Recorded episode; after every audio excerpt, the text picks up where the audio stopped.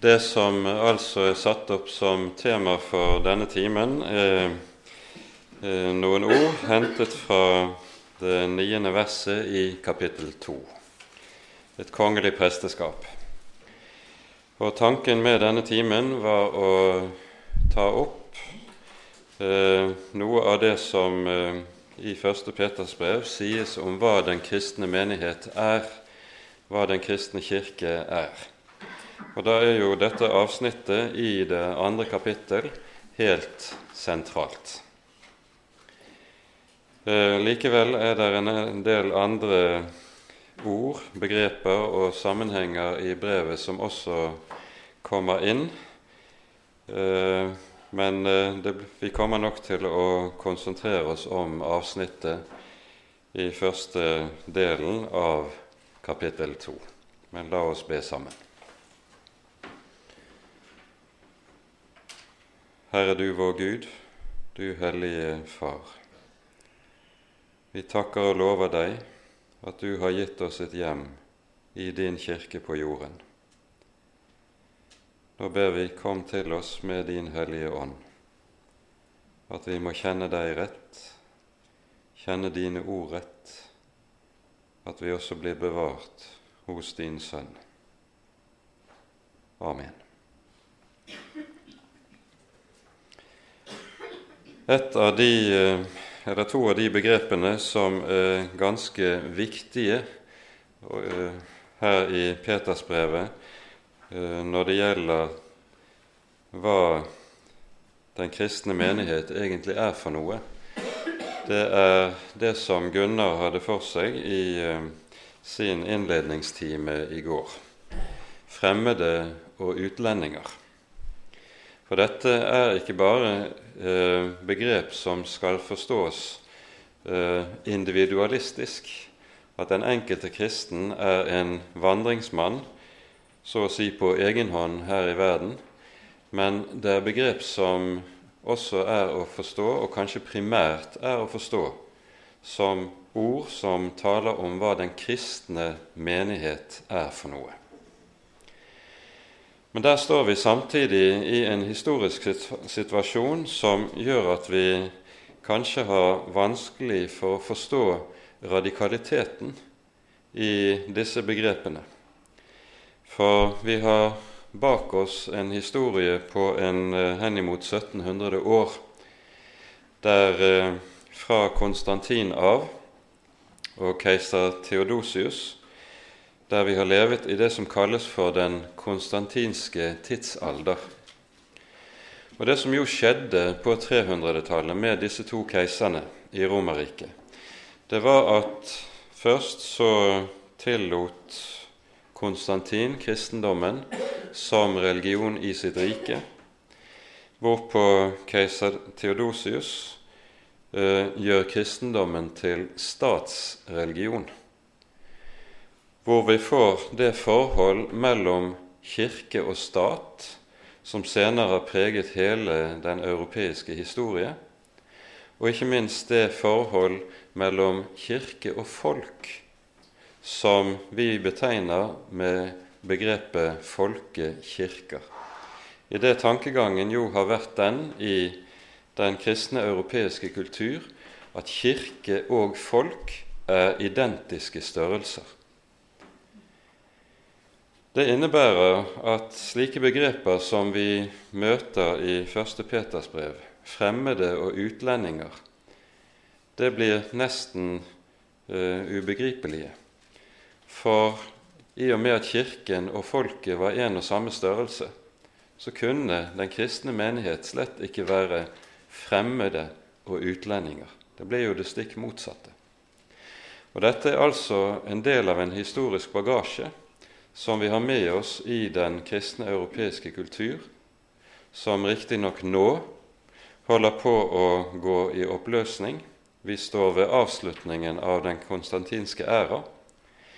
Men det gjør likevel ikke desto mindre at vi ofte kan ha problem med å forstå hva Det nye testamentet har å si om hva den kristne kirke er, fordi vi leser det med disse brillene som de mange århundreders historie som vi har bak oss, har gitt oss.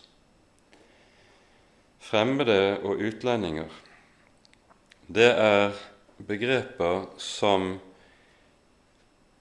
gir den kristne menighet en radikal særstilling som utskilt, som annerledes, som utvalgt, som helliget, og eh, som altså står som noe av eh, rammeverket rundt det avsnittet som vi nå går inn i i 1. Peter 2. Vi leser nå eh, fra vers 4 til og med vers 10 i det andre kapittelet. Kom til ham, den levende stein, som vel ble vraket av mennesker, men er utvalgt og dyrebar for Gud.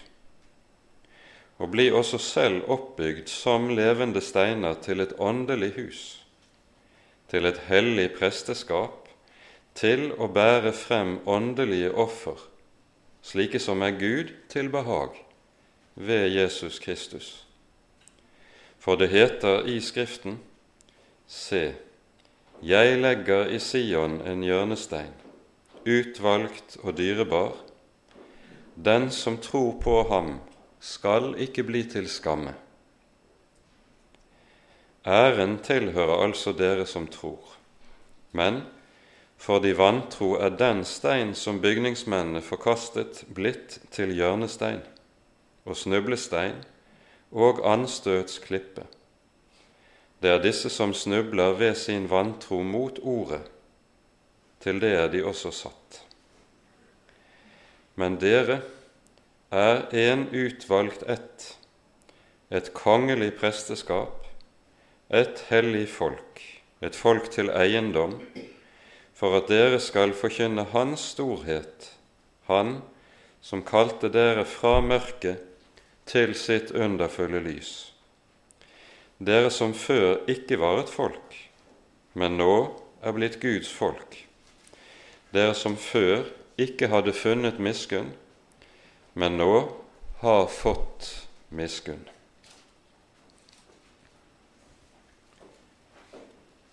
Det avsnittet som vi her er inne i, det er et avsnitt som er uhyre fortettet med tanke på sitater fra Det gamle testamentet. Peter anvender en rekke ulike tekster i, fra Det gamle testamentet, og likesom føyer dem sammen som perler på en snor.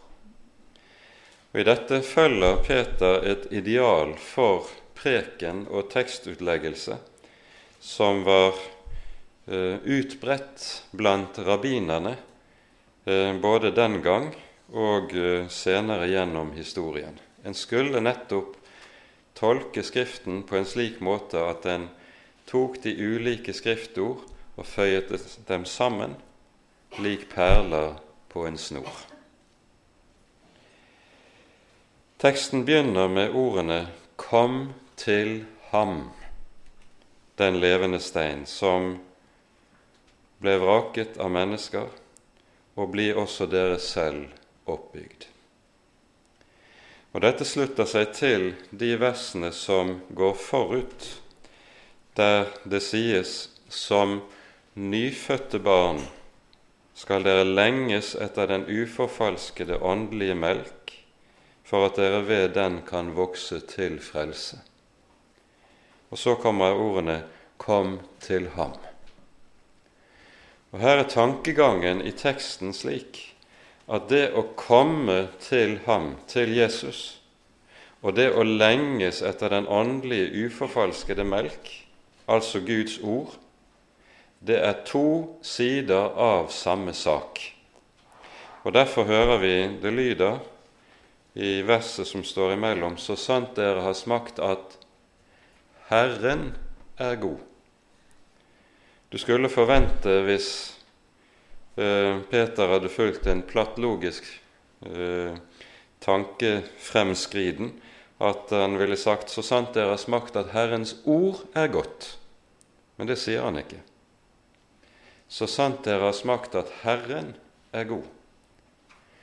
Og Dette gjør han i bevissthet om at det som vi får del i gjennom den åndelige, uforfalskede melk, det er Herren selv. Det er Han vi møter, det er Ham vi selv vi får del i gjennom dette ord som kalles for den åndelige og uforfalskede melk.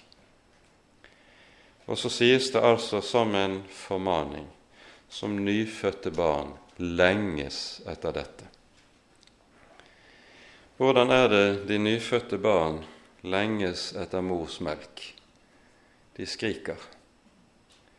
Og Det eneste måten som de kan stagges på, det er å få det de skriker etter.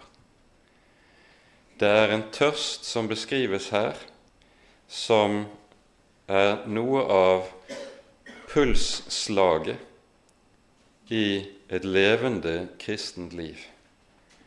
Og Dette får meg samtidig også til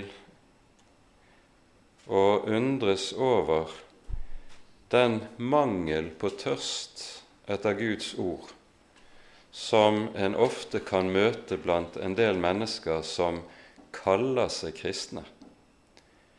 Det ser ut som at det å komme sammen for å høre det hellige evangelium, det betyr egentlig ikke så veldig mye for dem. De eh, setter godt til side både det å samles i Herrens hus på søndagen og andre samvær dersom det er annet som er kjekkere å gjøre. Det er ikke viktig for dem. Det at dette pulslaget tilsynelatende mangler hos en del som kaller seg med kristennavnet, det er uhyre avslørende. For dette er et livsbehov hos den som hører Jesus til. Så sant dere har smakt at Herren er god. Her hører vi der det første sitatet kommer, nemlig fra Salme 34. Og så kommer altså disse underlige ordene. Kom til ham. Å komme til Ordet og å komme til Jesus, det er altså to sider av samme sak. Ingen kan komme til meg, sier Jesus, uten at Faderen drar ham.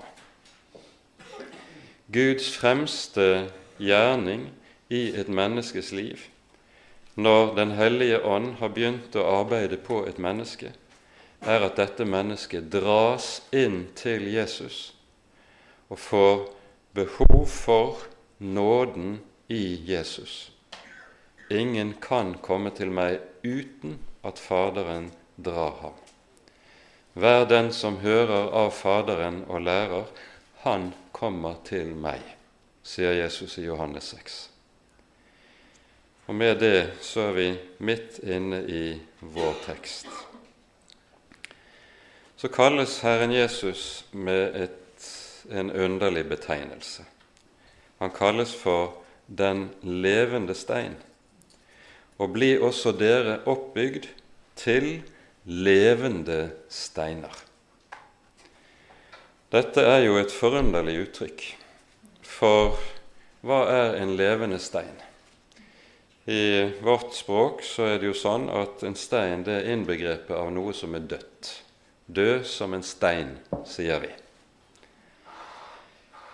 Her er saken den at i flere semittiske språk så er en begrepet 'levende stein' det er betegnelsen på en stein som er hogget til, slik at den passer inn i et mur og kan bygges opp sammen med andre steiner. Mens en død stein det er en uformelig stein slik du finner den ute i naturen, og som ikke passer sammen med noe som helst annet. Den levende steinen den er altså noe som er hogget til, så den kan føyes inn i murverket, og slik bygges opp sammen med andre steiner til å bli et byggverk. Og det er det det taler om i fortsettelsen, i det vi hører den kristne menighet sammenlignes med tempelet. Det er et hellig tempel i Herren. Noe som jo også er et bilde som vi møter i en rekke andre sammenhenger i Det nye testamentet. I Korinterbrevet i det tredje kapittel sier Paulus om menigheten at dere er Den hellige ånds tempel. Da tales det ikke om den enkelte kristne for seg selv, men det tales nettopp om menigheten som fellesskap, som altså slik er bostedet for Den hellige ånd, for Den hellige ånds nærvær. Dette tempelbildet som slik anvendes, det går antagelig tilbake til to ord fra Herren Jesus selv. For det første hører vi i Johannes 2 om eh, hvorledes Jesus utfordres etter renselsen av tempelet, og sier at han så vil rive ned Om så er, så kan tempelet rives ned, og han vil bygge det opp igjen på tre dager. Men aller viktigst ifra Jesu munn er ordene i eh, Matteusevangeliets 16. kapittel, der Peter har avlagt sin store bekjennelse, og hvorpå Jesus sier til ham, 'Du er Peter, Petros', og på denne klippet, Petra, vil jeg bygge min menighet. Og så er Jesus altså byggmesteren som skal bygge et hellig tempel. Han er den som bygger menigheten.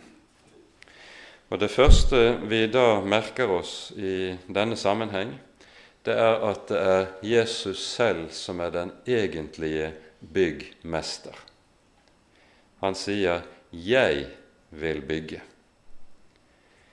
Saken er jo den at den kristne menighet kan ikke bygges av mennesker eller ved menneskeverk.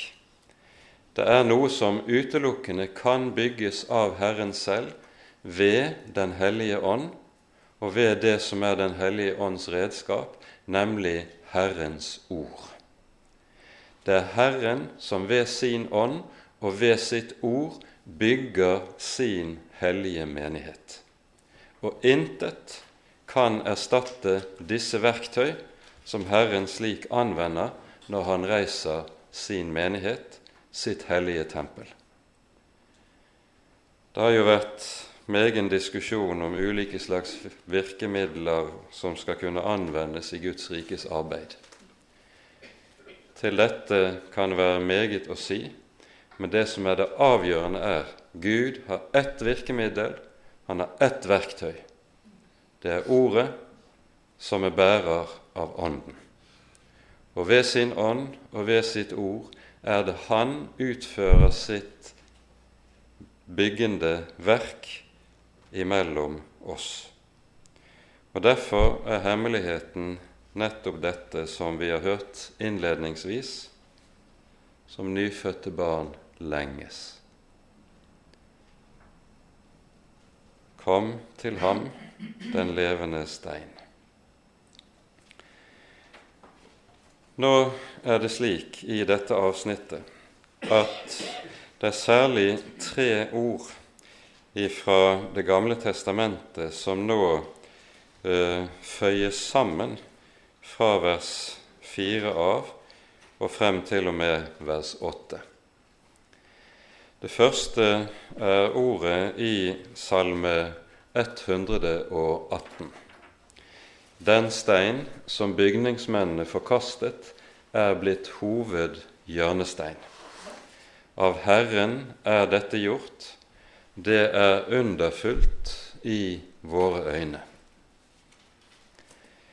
Denne salmen den ble tradisjonelt i jødedommen eh, for det første sunget i forbindelse med de store valfartshøytidene, både påske, pinse og løvhyttefesten. Eh, ble den sunget, i tillegg til at den ble sunget ved innvielsen av tempelet, og altså ved tempelinnvielsens fest, som vi hører omtalt en gang i Johannes evangeliet. Og Nettopp i denne salmen, som altså ble sunget ved innvielsen av tempelet, så lyder det:" Den stein som bygningsmennene forkastet, er blitt hovedhjørnestein. Jesus henter frem disse versene i Matteusevangeliets 21. kapittel. Han har nettopp ridd inn i Jerusalem og så kommer disse stridssamtalene med fariseerne og saduseerne og folkets lærde. Og der Jesus så avslutningsvis, det er helt på slutten av kapittel 21 hos Marseus, peker på hvorledes han selv kommer til å forkastes. Dette sies altså ved innledningen til Den stille uke. Han selv kommer til å forkastes og lide døden. Og så tror bygningsmennene, altså folkets eldste, at de med det er kvitt ham. Men nettopp ved å forkaste ham blir han hovedhjørnestein. Det er det som er underet. Av Herren er dette gjort, det er underfullt i våre øyne. Og så blir denne teksten et av de sentrale vitnesbyrd fra Det gamle testamentet, som taler nettopp om Messias forkastelse, hans lidelse og hans død, og at det er denne lidelse og død som gjør at han blir grunnstein for det nye tempel. Den andre teksten som Peter anvender, den finner vi i, hos profeten Jesaja i det 28. kapittelet. Her står det underlig nok i en sammenheng hvor vi hører domsord over Israels forherdelse, så sies det at i Jesaja 28, 16 følgende Se, jeg har lagt. Jeg har lagt i Sion en grunnstein, en prøvet stein, en kostbar, fast hjørnestein. Den som tror, haster ikke. Dette sies altså Herren selv, og tankegangen er den at folket, slik vi ser det i, forut for dette i kapittelet, har søkt å legge en annen grunnvoll og en annen grunnstein. Og I møte med dette er det at Herren sier, Se, jeg har lagt. Mennesker kan forsøke på så meget med sin religiøsitet og med sitt bygningsarbeid. Det duger ikke, og det holder ikke. Men det som her sies, det er av Herren selv, se, jeg har lagt i Sion en grunnstein. Den steinen holder. Dette er det andre verset som Peter anvender. Det tredje verset det finner vi i Jesaja-bokens åttende kapittel.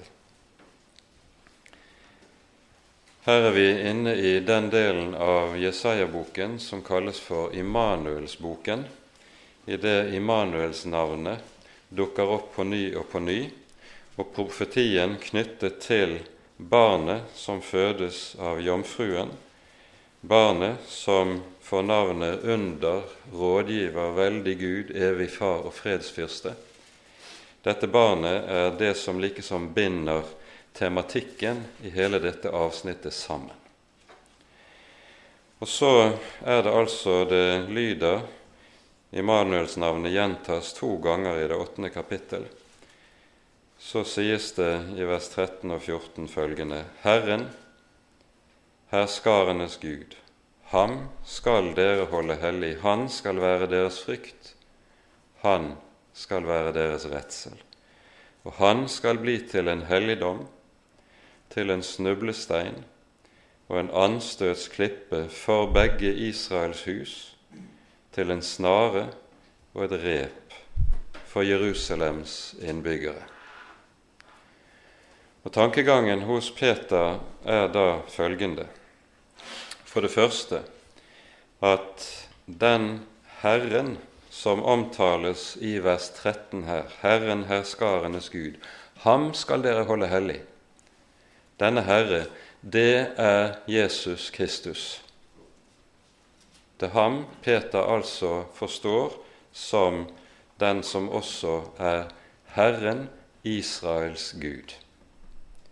Og for det andre, i og med at Israels folk forkaster den grunnstein som Herren selv har nedlagt, så kommer denne grunnstein til å bli til en snublestein og en anstøtsklippe for begge Israels hus. Og Her ser vi noe som er sentralt i Det nye testamentets budskap om Kristi person. Det som sies av gamle Simeon i tempelet allerede når Jesus bæres til tempelet 40 dager gammelt, er barnet. Se, denne er satt til fall og til oppreisning for mange i Israel. Altså i møte med Kristi person, i møte med Kristi verk, i møte med Kristi ord, skilles vannene og det blir et skarpt enten-eller. Denne er satt til fall og til oppreisning for mange i Israel.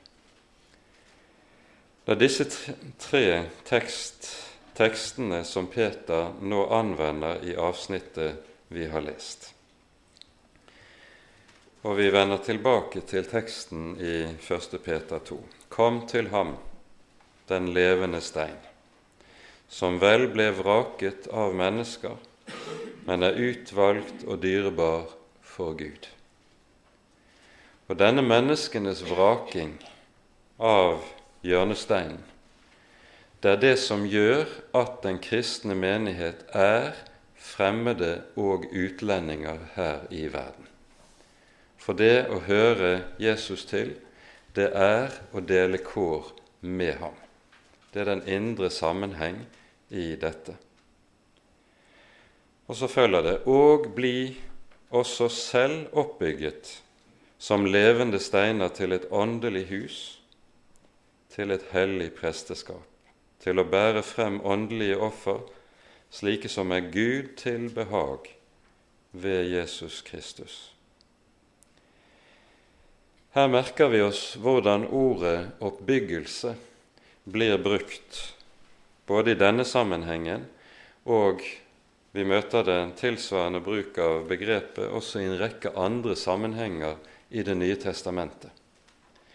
Ordet oppbyggelse brukes ikke i den betydningen som vi bruker det nesten eksklusivt hos oss, nemlig subjektivt, følelsesmessig. Du har vært på et møte, og du føler du har et stort utbytte av det som lød på møtet, og så går du hjem og føler deg oppbygget. Slik bruker Det nye testamentet begrepet i liten grad. Du møter det et par steder, f.eks. i 1. kor 14. Men hovedsaken av hvordan dette ordet brukes, det er at det brukes som et sosialt begrep. Det er nemlig slik at de enkelte steinene de som ved troen på Jesus blir til en levende stein, de føyes sammen med de andre steinene, og slik blir de en del av det åndelige tempel som heter Den kristne menighet. Og I mangel av et bedre ord så kaller vi dette for et sosialt begrep. Det handler om at de troende føyes sammen og blir til det hellige tempel, som er den kristne menighet. Og Det vi da merker oss i denne sammenheng, det er hvorledes Peter knytter det å bli et Guds barn ved troen på Jesus uløselig sammen med det å føyes inn i tempelet, altså bli et ledd, et lem, i den kristne menighet. Kristendom er ikke en enmannsaffære. Gud har ingen enebarn, som en har sagt det.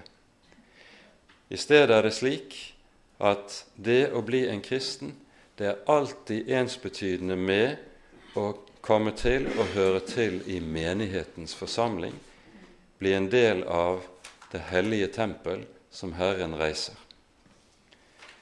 Og Derfor er det å høre Jesus til og det å høre Hans menighet til, det er uløselig knyttet sammen i Det nye testamentet.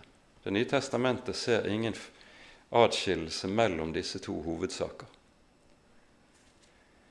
Og Derfor det å være kristen på egen hånd, noe som dypest sett er i strid, ikke bare med Det nye testamentet, men med troens vesen. Bli oppbygget som levende steiner til et åndelig hus, til et hellig presteskap, til å bære frem åndelige offer, slike som er Gud til behag ved Jesus Kristus. Nå fører Peter inn eh, andre begreper. Han taler om presteskap og åndelige offer. Og Dette i tilknytning til det neste bibelstedet fra Det gamle testamentet som Peter gjør seg bruk av, nemlig i vers 9, hvor han siterer fra 2. Moseboks 19. kapittel, det fjerde til sjette verset.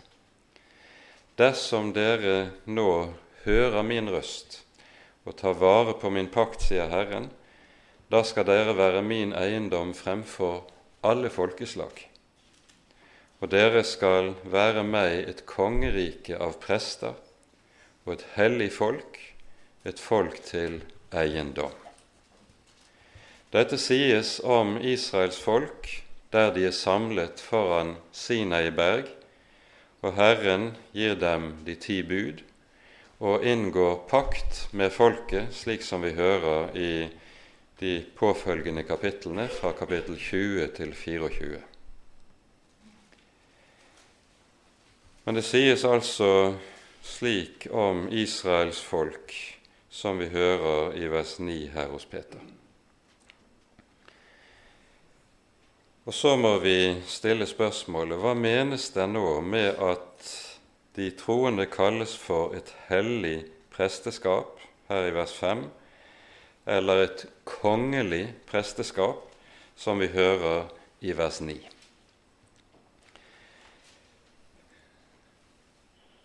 I Mosebøkene hører vi veldig klart definert for oss hva det er som kjennetegner det å være prest i Guds folk.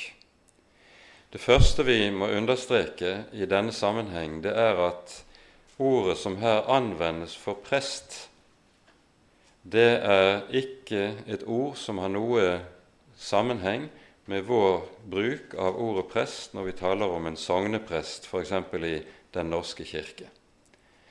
Det ordet som da anvendes, som vi bruker på norsk, det kommer av det nytestamentlige presbyter, som betyr eldste.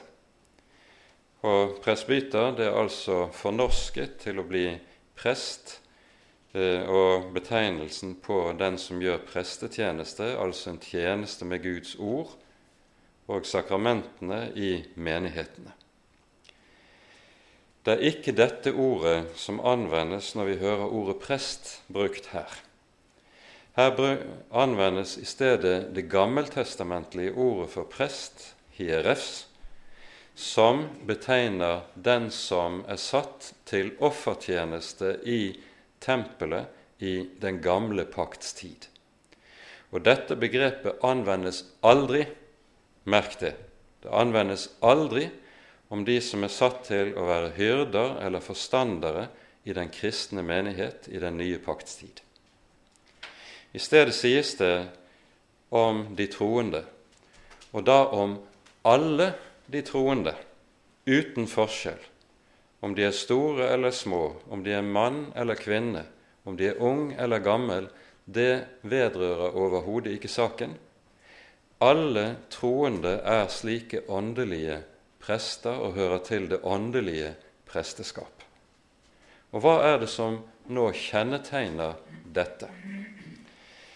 Vi har en meget klar definisjon på hva det vil si å være prest i ordets gammeltestamentlige betydning i 4. Moseboks 16.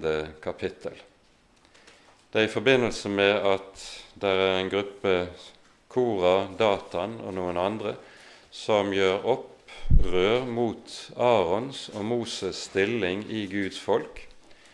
Og Så svarer Moses dem og sier i begynnelsen av dette kapitlet i morgen skal Herren åpenbare hvem som er hellig, hvem som hører ham til, og hvem han vil la komme nær til seg. Og Det siste begrepet, det er hovedbegrepet. Prest, det er den som har rett til å tre Herren nær. Og det, det hebraiske ordet som brukes i Bibelens grunntekst, det å tre nær, det brukes som hovedbegrep for å betegne den som har prestetjeneste i tempelet i Israel, i det gammeltestamentlige Israel. For saken var nemlig den at det er kun de som er utvalgt til dette, som har rett til å tre Herren nær.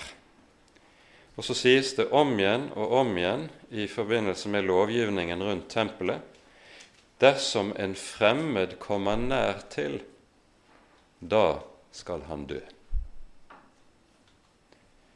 Enten det nå er en fremmed som trer inn i helligdommen, eller som rører ved de hellige ting og offertjenesten, så gjelder det den samme dom. Og det det her dreier seg om, det er jo hva Bibelen har å si om hvem Gud er. Han er den hellige. Og den hellige Gud er ikke en som en omgås lettvint som en spøk.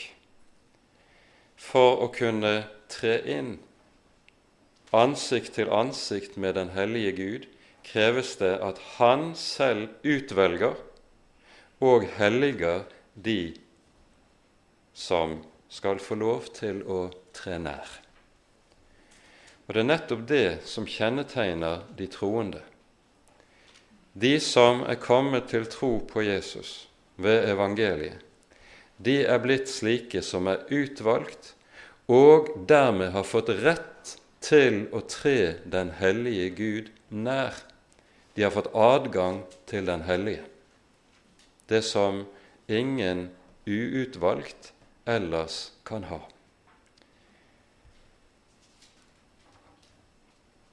Det er dette det er tale om f.eks. i Hebreabrevet, i det tiende kapittel, når eh, det der skrives følgende i vers 19 og 20. Brødre, vi har altså i Jesu blod frimodighet til å gå inn i helligdommen til den har Han innviet for oss en ny og levende vei gjennom forhenget. Det er Hans kjød. Og så kan vi som Guds barn vite vi har adgang til Gud. Vi har rett til å tre nær. I dette ligger det et usigelig privilegium som følger med nettopp det å være Guds barn, følger med barnekåret. Og det er det det er å høre til det hellige presteskapet.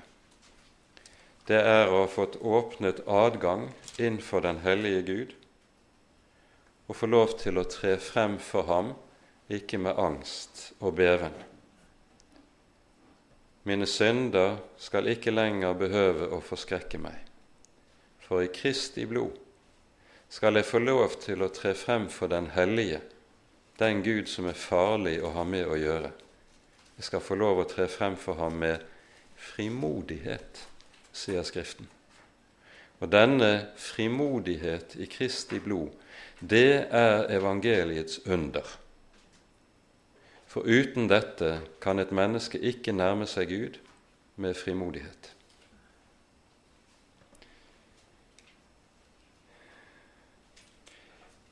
Det som var prestenes oppgave i den gammeltestamentlige tid, det var å ofre. Og så hører vi Peter når han da taler om de troendes gjerning her i verden. Det er at de er satt til å være et hellig presteskap som skal bære frem åndelige offer som er Gud til behag ved Jesus Kristus. Denne talen om en slik offertjeneste i tempelet, som de troende altså er satt til, den møter vi også igjen i en rekke andre sammenhenger i Det nye testamentet. De to, Jeg skal ganske kort peke på to av de viktigste tekstene i den, denne sammenheng. Det ene er Romerne 12, 1.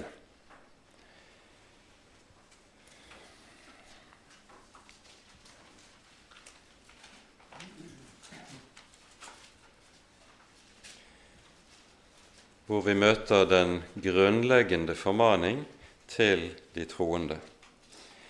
Jeg formaner dere altså, brødre, ved Guds miskunn, at dere fremstiller deres legemer som et levende og hellig offer til Guds behag. Dette er deres åndelige gudstjeneste. Her beskrives det kristne liv i sin totalitet nettopp som en slik offertjeneste som kjennetegnes av, som kjennetegner det åndelige presteskapet som bærer frem åndelige offer. Og Her understreker vi da at Det gamle testamentet kjenner til to grunntyper av offer. Det ene grunntypen er de offer som er sonende i, av karakter.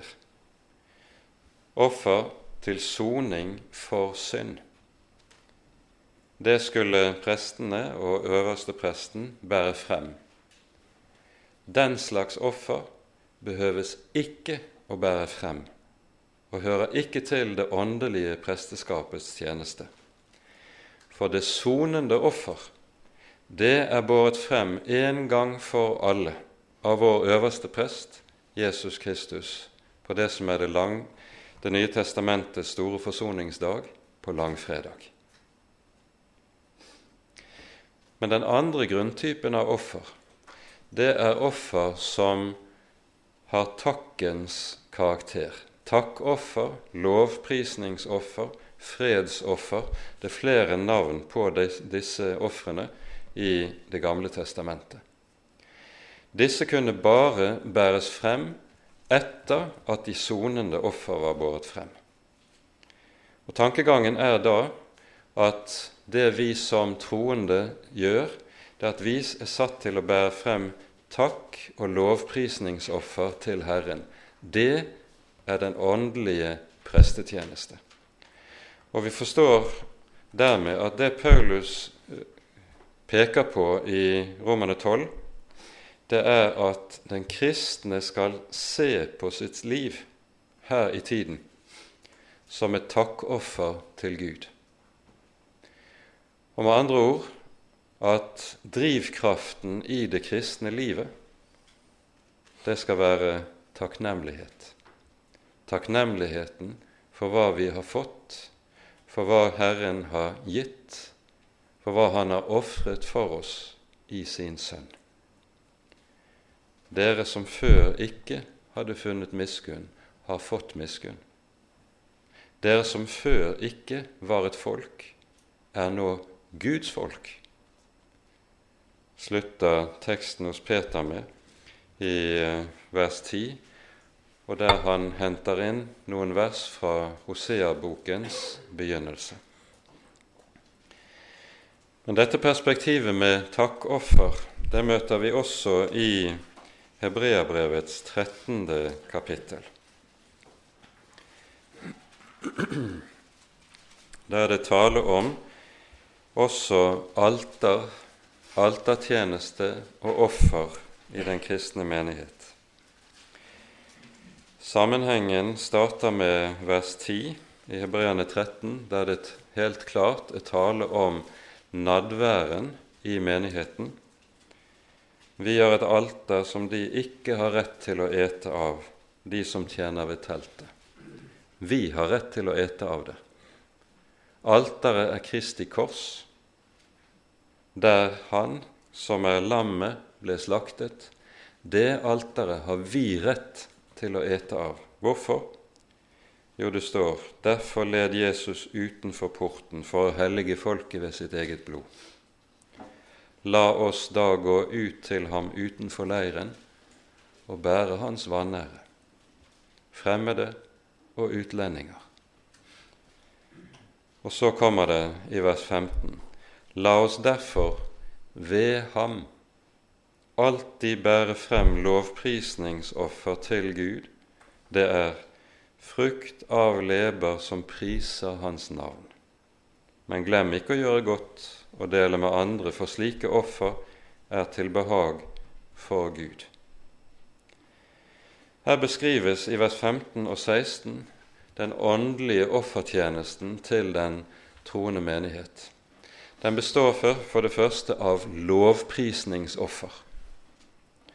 Det er det menigheten gjør når den kommer sammen.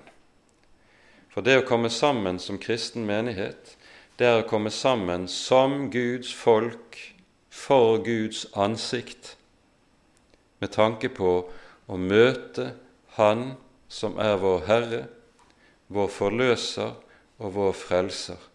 Og så er tilbedelsen, takken og lovsangen en grunnleggende side nettopp ved et slikt møte. Han kommer til oss med sine gaver, som er vunnet i Sønnens blod. Vi svarer med takksigelse og lovsang for hva Han skjenker.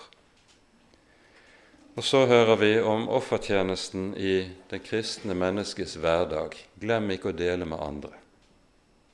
For slike offer tekkes Gud ved Jesus Kristus. Og dermed så hele livet, både helg og hverdag, dratt inn i denne offertjeneste som Peter her taler om. Vi rekker ikke å gå mye detalj inn i alt som ellers står i disse versene, men hopper rett til vers 9 og ser ganske kort på dette. Men dere, dere er en utvalgt ett, et kongelig presteskap, et hellig folk, et folk til eiendom for at dere skal forkynne Hans storhet, Hans storverk, oversettes det også, som kalte dere fra mørket til sitt underfulle lys. Her brukes det fire betegnelser på navn på den troende menighet. Navn som alle har det som felles kjennetegn at det er æresnavn. æresnavn som viser hvor høyt Han som er Herre og Gud, setter sin menighet. For disse som Peter her taler til, de er fremmede og utlendinger her i verden.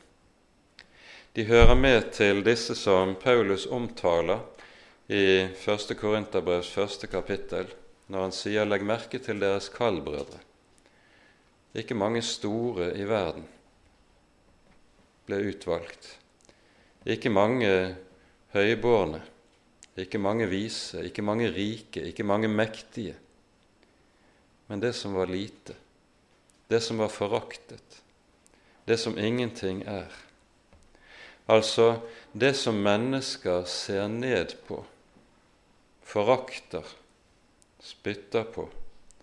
Det var det menigheten var i menneskers øyne. Men her legger vi merke til forskjellen på hva menigheten er i menneskers øyne, og hva den er i Guds øyne, for det er det disse æresnavnene vi møter i vers 9, sier. Dere er en utvalgt ett, et kongelig presteskap, et hellig folk, et folk til eiendom. Når Herren Jesus har spandert så usigelig mye på å vinne sin menighet. Dere er dyrt kjøpt. Så sier det samtidig også noe helt avgjørende om hvordan denne hans menighet er verdsatt i hans øyne, og hvordan han derfor også vil hegne om og ta seg av det han slik har betalt så dyrt for. Derfor lyder også Jesu løfte når han har talt til Peter og sagt på denne klippet vil jeg bygge min menighet. Så sies det i fortsettelsen og dødsrikets porter skal ikke få makt over den. Hva ditt er, hegner du omkring, synger vi i en salme for det han har betalt så dyrebart for, det er kostelig i Herrens øyne. Derfor lyder det som vi kan høre det i disse versene. Dere er en utvalgt ett, et kongelig presteskap, et hellig folk, et folk til eiendom. Så lærer Bibelen oss med dette noe om forskjellen på hva vi ser med det ytre øyet, og hva som er Guds måte å se på ting, hvor stor forskjell det kan være mellom disse to ting. Hvor stor forskjell det er mellom menneskers vurdering og hvorledes den levende Gud ser på saken, er. Og det til det å være en kristen hører jo også det å øve seg og se på saken og vurdere slik Gud gjør i sitt ord. Og med det tror jeg vi setter punktum for denne timen. Ære være Faderen og Sønnen og Den hellige ånd, som var og er og være skal en sann Gud, høylovet i evighet. Amen.